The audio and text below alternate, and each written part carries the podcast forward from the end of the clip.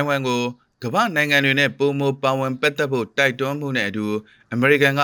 တင်းမာမှုတွေအရှိန်မြင့်တင်လိုက်ပြီးတဲ့နောက်ပိုင်းထိုင်ဝမ်ဟာကုလသမဂ္ဂကိုဝင်ရောက်ခွင့်မရှိဘူးလို့အော်တိုဘာလ29ရက်ဗုဒ္ဓဟူးနေ့မှာတရုတ်ကအကြောက်အကန့်ပြောကြားလိုက်ပါတယ်။တရုတ်ကနေထိုင်ဝမ်ကိုခွဲထွက်ခွင့်ပြုဖို့ကုလသမဂ္ဂအထွေထွေညီလာခံကမဲခွဲဆုံးဖြတ်ခဲ့မှုနှစ်90ပြည့်အထိမ်းအမှတ်ကြေညာချက်မှာအမေရိကန်နိုင်ငံသားရေးဝန်ကြီးအန်တိုနီဘလင်ကင်ကထိုင်ဝမ်ကို ကမ္ဘာဇက်ကုံကနေခြံလက်ထားခဲ့မိတဲ့အတွက်နောင်တရတယ်လို့အင်ကာနေ့ကပြောကြားလိုက်ပါတယ်။နိုင်ငံတကာအတိုင်ဝန်းဟာမကြုံစဘူးရှုပ်ထွေးတဲ့ကမ္ဘာလုံးဆိုင်ရာပြဿနာများစွာကိုရင်ဆိုင်နေရသည်နှင့်အမျှအဆိုပါပြဿနာတွေကိုကူညီဖြေရှင်းဖို့အရေးဟာသက်ဆိုင်သူအလုံးအတွက်အရေးကြီးကိစ္စဖြစ်ပါတယ်။အဲ့ဒီထဲမှာထိုင်ဝမ်မှာနေထိုင်တဲ့ပြည်သူ24သန်းလဲပါဝင်တယ်လို့ဘလင်ကန်ကပြောကြားလိုက်ပါတယ်။ကုလသမဂ္ဂမှာထိုင်ဝမ်ပါဝင်နိုင်ရေးက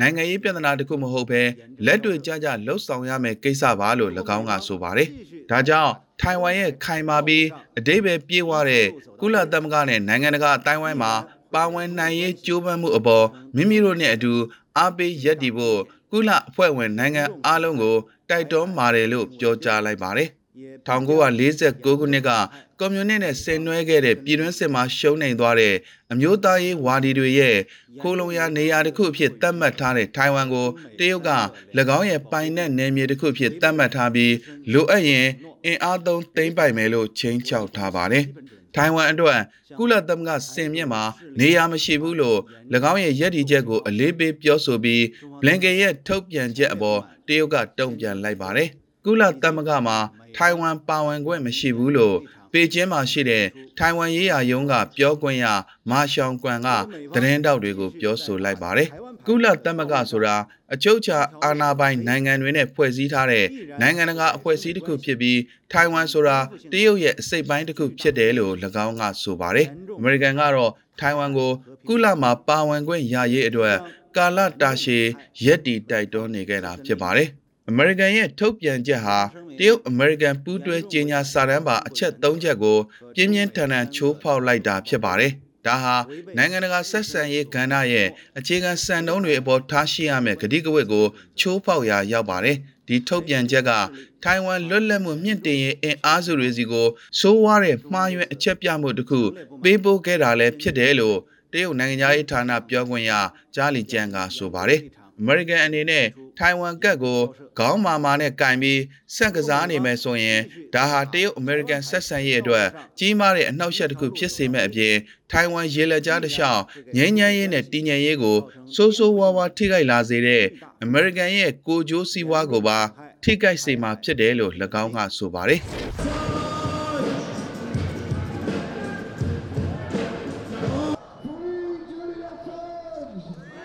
WikiLeaks တည်ထောင်သူ Julian Assange အားလွှဲပြောင်းပေးရေးညှင်းပယ်လိုက်ပြီးတသက်ကြွကြားခံရပွဲရှိတဲ့ဆွဲချက်တွေနဲ့ရင်ဆိုင်ရနိုင်တဲ့ဗြိတိန်တရားသူကြီးတို့ရဲ့ဆုံးဖြတ်ချက်ကို American ပြည်ထောင်စုကအော်တိုဘာလ29ရက်ဗုဒ္ဓဟူးနေ့ကအယူခံဝင်လိုက်ပါတယ်။လန်ဒန်မှာနှစ်ရက်ကြာပြုလုပ်တဲ့ကြားနာစစ်ဆေးမှုအစပိုင်းမှာ January လအတွင်းကစီရင်ချက်အတိုင်း Assange ကို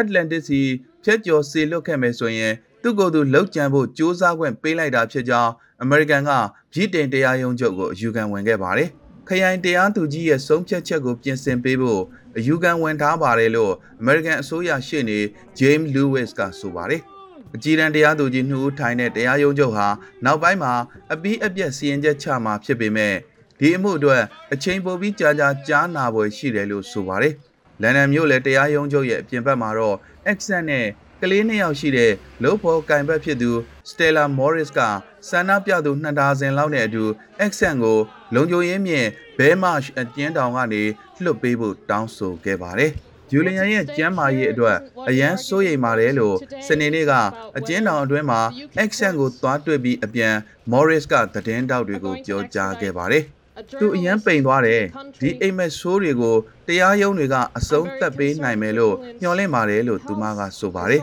။နေအောင်ဝစ်စုံနဲ့ အတုပဇာဘဝါကိုဝစ်ဆင်ထားတဲ့ဆန္ဒပြသူတို့ကဗြိတိန်တရားရေးကောင်းရာသူကတိလာပါစေဆိုတဲ့ဆိုင်းဘုတ်ကိုကန်ဆောင်ထားပါတယ်။နောက်တူအသက်20အရွယ် Ruby Allen ကတော့ Accent ဟာအပြစ်ကင်းတဲ့စာနယ်ဇင်းလွတ်လပ်ခွင့်ကိုကာကွယ်သူဖြစ်တယ်လို့ဆိုပါတယ်လွှဲပြောင်းပေးရေးဆိုတာအခြေခံအားဖြင့်တော့တည်တံပဲသူကိုအမေရိကကိုလွှဲပေးလိုက်ရင်အခြေအနေပိုဆိုးသွားလိမ့်မယ်လို့သူမကဆိုပါတယ်အသက်50အရွယ် accent ကို အာဖဂန်နစ္စတန်နဲ့အီရတ်မှာရှိတဲ့စစ်ရေးလှုပ်ရှားမှုတွေအကြောင်းအသေးစိတ်ဖော်ပြထားတဲ့လျှို့ဝှက်ဖိုင်ပေါင်း9သိန်းကို2010ခုနှစ်က WikiLeaks မှာဖွင့်ချခဲ့တာနဲ့ပတ်သက်ပြီးစွဲချက်တင်ထားတဲ့အမှု18ခုအတွက်ဝါရှင်တန်ကအလိုရှိနေတာဖြစ်ပြီးအမေရိကန်မှာပြစ်မှုထင်ရှားပါကအမြင့်ဆုံးထောင်ဒဏ်185နှစ်အထိချမှတ်နိုင်ပါတယ်။ဟီရိုရှီမာမြို့ကိုတမိုင်းဝင်အလဲပတ်ရောက်လာတဲ့ဘရက်ကိုဘားမားနဲ့တွေ့ဆုံခဲ့တဲ့ ထင်ရှားတဲ့နျူကလ িয়ার ဖျက်သိမ်းရေးတက်ကြွလှုပ်ရှားသူဆူနာအိုဆူဘိုအီဟာအသက်66နှစ်အရွယ်မှာကွယ်လွန်သွားပြီလို့သူ့ရဲ့ COA အဖွဲ့ကအော်တိုဘာလ29ရက်ဗုဒ္ဓနေ့ကပြောကြားလိုက်ပါတယ်။စူဘိုအီဟာ1945ခုနှစ်ကစီကားတဲ့မြို့တော်ကြီးကိုမီးလောင်ပြင်ကြီးတစ်ခုအဖြစ်ပြောင်းလဲသွားစေခဲ့တဲ့အမေရိကန်ရဲ့ပထမဆုံးနျူကလ িয়ার ဘုံးကျဲတိုက်ခိုက်မှုပြုလုပ်ချိန်မှာသူဟာသူတက်နေတဲ့အင်ဂျင်နီယာကျောင်းကိုသွားတဲ့လန်ခွက်လက်မှာရောက်ရှိနေခဲ့ပါတယ်။ ကျွန်တော်တို့ကိုယ်လုံးမီးလောင်တန်ရာတွေရခဲ့တယ်လို့သူက2016ခုနှစ်မှာ AFP ကိုပြောပြခဲ့ပါတယ်။အဲ့ဒီဩဂုတ်6ရက်နေ့ကကိုလုံးဒီနဲ့3နာရီလောက်ပြေးနေခဲ့တာနောက်ဆုံးလမ်းမလျှောက်နိုင်တော့တဲ့အထိပဲလို့သူကပြောပြပါတယ်။အဲ့ဒီနောက်မှာတော့အသက်20အရွယ်၎င်းဟာကြောက်ခဲတစ်လုံးကိုကောက်ယူပြီးမြေပေါ်မှာဒီနေရာမှာစူဘိုဤကွယ်လွန်သည်လို့ရေးပြီးတတိလစ်သွားခဲ့ရမှာသတင်းပတ်ပေါင်းများစွာကြာပြီးမှ ပြန်တတိလဲလာခဲ့ပါတယ်။အဲ့ဒီနောက်ပိုင်းသူ့မှာကင်ဆာနဲ့အခြားရောဂါတွေဖြစ်လာခဲ့ပေမဲ့အနုမြူဘုံဘေးကလွတ်မြောက်လာသူတွေနဲ့အတူနျူကလ িয়ার ကင်းစင်တဲ့ကဘာဖြစ်ရေးအတွက်တသက်တာလုံးတက်ကြွလှုပ်ရှားသူတူဖြစ်လာခဲ့ပါတယ်။လူတွေအားလုံးပျော်ရွှင်ဖို့အတွက်ကျွန်တော်ရဲ့ခက်ခဲမှုတွေကိုသိခံနိုင်ပါတယ်။မနှက်ဖြန်တောင်ကျွန်တော်သိနိုင်တယ်။ ဒါပေမဲ့အကောင်းမြင်နဲ့ဘယ်တော့မှလက်မလျှော့ဘူး။ကျွန်တော်တို့ဟာနျူကလ িয়ার လက်နဲ့လုံးဝကင်းစင်တဲ့ကဘာကိုပိုလိုလားတယ်လို့သူကဆိုပါတယ်။2016ခုနှစ်မှာဟီရိုရှီမာကိုအိုဘားမားလာရောက်စဉ်ကတွေ့ဆုံခဲ့တဲ့လက်တဆုပ်စာကြံရစ်သူတွေထဲမှာစူဘိုကြီးတယောက်လည်းပါဝင်ပါတယ်။သူဟာအိုဘားမားနဲ့လက်ဆွဲနှုတ်ဆက်ချိန်မှာကြည်ကြည်နက်နက်ကြီးပြုံးလိုက်ပြီးသူတို့နှစ်ယောက်ရင်းနှီးနှီးနဲ့10မိနစ်ကျော်လောက်စကားစမီပြောပြခဲ့ကြပါတယ်။ကျွန်တော်ရဲ့အတွေးတွေကို ကျွန်တော်ပြောပြနိုင်ခဲ့တယ်လို့စူဘိုကြီးတယောက်ပီတိတွေနဲ့ပြန်ပြောပြခဲ့ပါတယ်။ဟီရိုရှီမာနဲ့နာဂါဆာကီအနုမြူဘုံပောက်ကွဲမှုကနေအသက်ရှင်ကြံရစ်သူတွေကိုကိုစားပြုတဲ့နီဟွန်ဟီဒန်ဂျိုအဖွဲ့ရဲ့အဓိကခေါင်းဆောင်တူဖြစ်တဲ့စူဘိုအီဟာ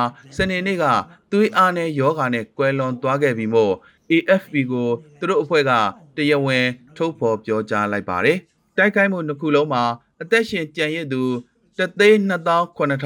3,200,955ဦးရှိပြီး၎င်းတို့ရဲ့ပြန်မြတက်တန်း84နှစ်ရှိကြောင်းကျန်းမာရေးဝန်ကြီးဌာနကပြောကြားခဲ့ပါတယ်။ဟီရိုရှီမာဘုံကျဲမှုမှာလူပေါင်း3,400ခန့်သေဆုံးခဲ့ပြီးပောက်ကွဲပြီးပြီးချင်းအသက်ရှင်ကြံရစ်ပေမဲ့ဒဲအောင်ကြီးတင်းမှုကြောင့်မကြမတင်သေဆုံးခဲ့ရသူတွေပါအဲ့ဒီအရေးအတွက်မှာပါဝင်ပါတယ်။နောက်၃ရက်အကြာမှာအမေရိကန်က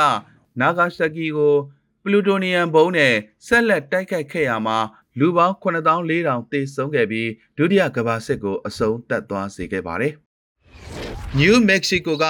Rest ရုပ်ရှင်ရိုက်ကွင်းပေါ်တနက်ပြခန်းမှာရုပ်ရှင်မှတ်တမ်းဓာတ်ပုံဆရာကိုတေဆုံးစေခဲ့ပြီးရုပ်ရှင်ဒါရိုက်တာကို ထိခိုက်ဒဏ်ရာရစေခဲ့တဲ့အာလက်ဘော်ဒွင်အပေါ်ရာဇဝတ်ပြစ်မှုအရဆွဲချက်တင်သွားရမှာဖြစ်တယ်လို့စန်တာဖေးခရိုင်ရှိနေမယ်ရီကာမက်အော်တူီက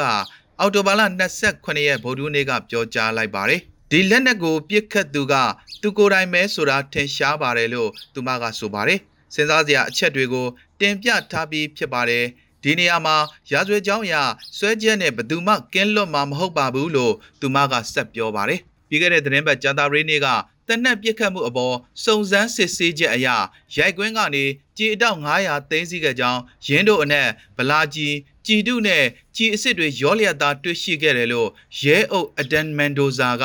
သတင်းတောက်တွေကိုပြောပါတယ်ဒီကြည်အစ်စ်တွေရိုက်ကွင်းပေါ်ဘလို့ရောက်နေလဲဘာကြောင့်ရောက်နေလဲဆိုတာစုံစမ်းသွားမှာဖြစ်ပါတယ်တကယ်တော့ရောက်မနေသင့်ဘူးလေလို့မန်ဒိုဇာကဆက်ပြောပါတယ်ရုရှားဖြတ်တဲ့မော West Admiral Kula Kobo ကရေတပ်ဖွဲ့ဟာအတ္တလန်တိတ်သမုဒ္ဒရာထဲကဂီနီယာပင်လယ်ကွေ့မှာပနားမာအလံလွှင့်ထားတဲ့ကုန်တစ်တာတင်သင်္ဘောတစ်စီးကိုပင်လယ်ဓမြတွေလက်ကနေအော်တိုဘာလ25ရက်တနင်္လာနေ့ကကယ်တင်ပေးခဲ့ပါတယ်။ရင်းနေမှာလက်နက်ကင်ဆောင်ထားတဲ့ပင်လယ်ဓမြတွေဟာအဆိုပါကုန်တစ်တာတင်သင်္ဘော MXC Lucia ဘော်ကိုတက်လာခဲ့ကြပါတယ်။ရုရှားရေတပ်ရဲ့ထုတ်ပြန်ချက်အရ အော်တိုဘာလ25ရက်မွန်လဲတနာရီဝန်းကျင်မှာရင်းကုန်သင်္ဘောဖြတ်တိုက်သင်္ဘော Vice Admiral Kula Kok ကဂီနီယာပင်လယ်ကွေ့တဝိုက်ကရေပြင်မှာကဲလဲနေစဉ် MXC Lucia သင်္ဘောကဘေးအန်ဒီရဲ့အချက်ပြကိုလက်ခံရရှိခဲ့တယ်လို့ဆိုပါတယ်။အဲ့ဒီအချိန်မှာပနားမားအလန်နဲ့လူစီယာသင်္ဘောဟာတိုဂိုနိုင်ငံလိုမေမြို့ကနေကင်မရွန်နိုင်ငံဒူအာလာမြို့ကိုခုံမောင်းသွားနေတာဖြစ်ပါတယ်။ရေတပ်စစ်သည်တွေလိုက်ပါတဲ့ KA27PS စစ်ရဟတ်ယာဉ်ဟာ West Admiral Kula Kobo ကနေပြန်တက်ပြီးအခင်းဖြစ်နေရာကိုချက်ချင်းပြန်တန်းသွားသလိုတင်မောကလည်းနောက်ကနေလိုက်ပါခုံမောင်းခဲ့ပါတယ်။ရဟတ်ယာဉ်ချင်းကပ်လာချိန်မှာဓမြတွေဟာလူစီယာတင်မောကိုစွန့်ခွာကစပီဘုတ်ကိုစက်ကုံတင်ပြီးကမ်းခြေကိုမောင်းပြေးသွားခဲ့တယ်လို့ရုရှားရေတပ်ကဆိုပါတယ်။ လက်နက်ကင်ထားတဲ့ပင်လယ်ဓမြတွေဟာလူစီယာသင်္ဘောကိုဝင်စီးဖို့ကြိုးစားခဲ့တဲ့အတွက်သင်္ဘောသားတွေဟာအင်ဂျင်ကန်ထဲမှာဝင်ပုန်းပြီးအရေးပေါ်အကူအညီတောင်းခံအချက်ပြကို ထုတ်လွှင့်ခဲ့ပါတယ်။ရုရှားစစ်ရဟတ်ယာဉ်ကလူစီယာသင်္ဘောကိုဝဲပက်ပြန်တန်းကဓမြတွေရှိနေသေးသလားတေချာအောင်စစ်ဆေးပြီးတဲ့နောက်ဖြတ်သင်္ဘောပေါ်ကအကြမ်းဖက်မှုနှိမ်နှင်းရေးရေတပ်ဖွဲ့ဝင်တွေဟာအဆိုပါသင်္ဘောပေါ်ကိုတက်ရောက်ပြီးသင်္ဘောသားတွေကိုလွှတ်ပေးကသင်္ဘောကိုစစ်ဆေးခဲ့တယ်လို့ဆိုပါတယ်။ ဓမြတွေရှိမနေကြောင်းသေချာတော့မှရုရှားဖြတ်သင်္ဘော Vice Admiral Kula Kok ကအဆိုပါကုန်တစ်တာတင်သင်္ဘောကိုခီးဆုံးအထိလိုက်ပါပို့ဆောင်ပေးခဲ့ကြောင်း AFP သတင်းမှာဖော်ပြပါရှိခဲ့ပါတယ်။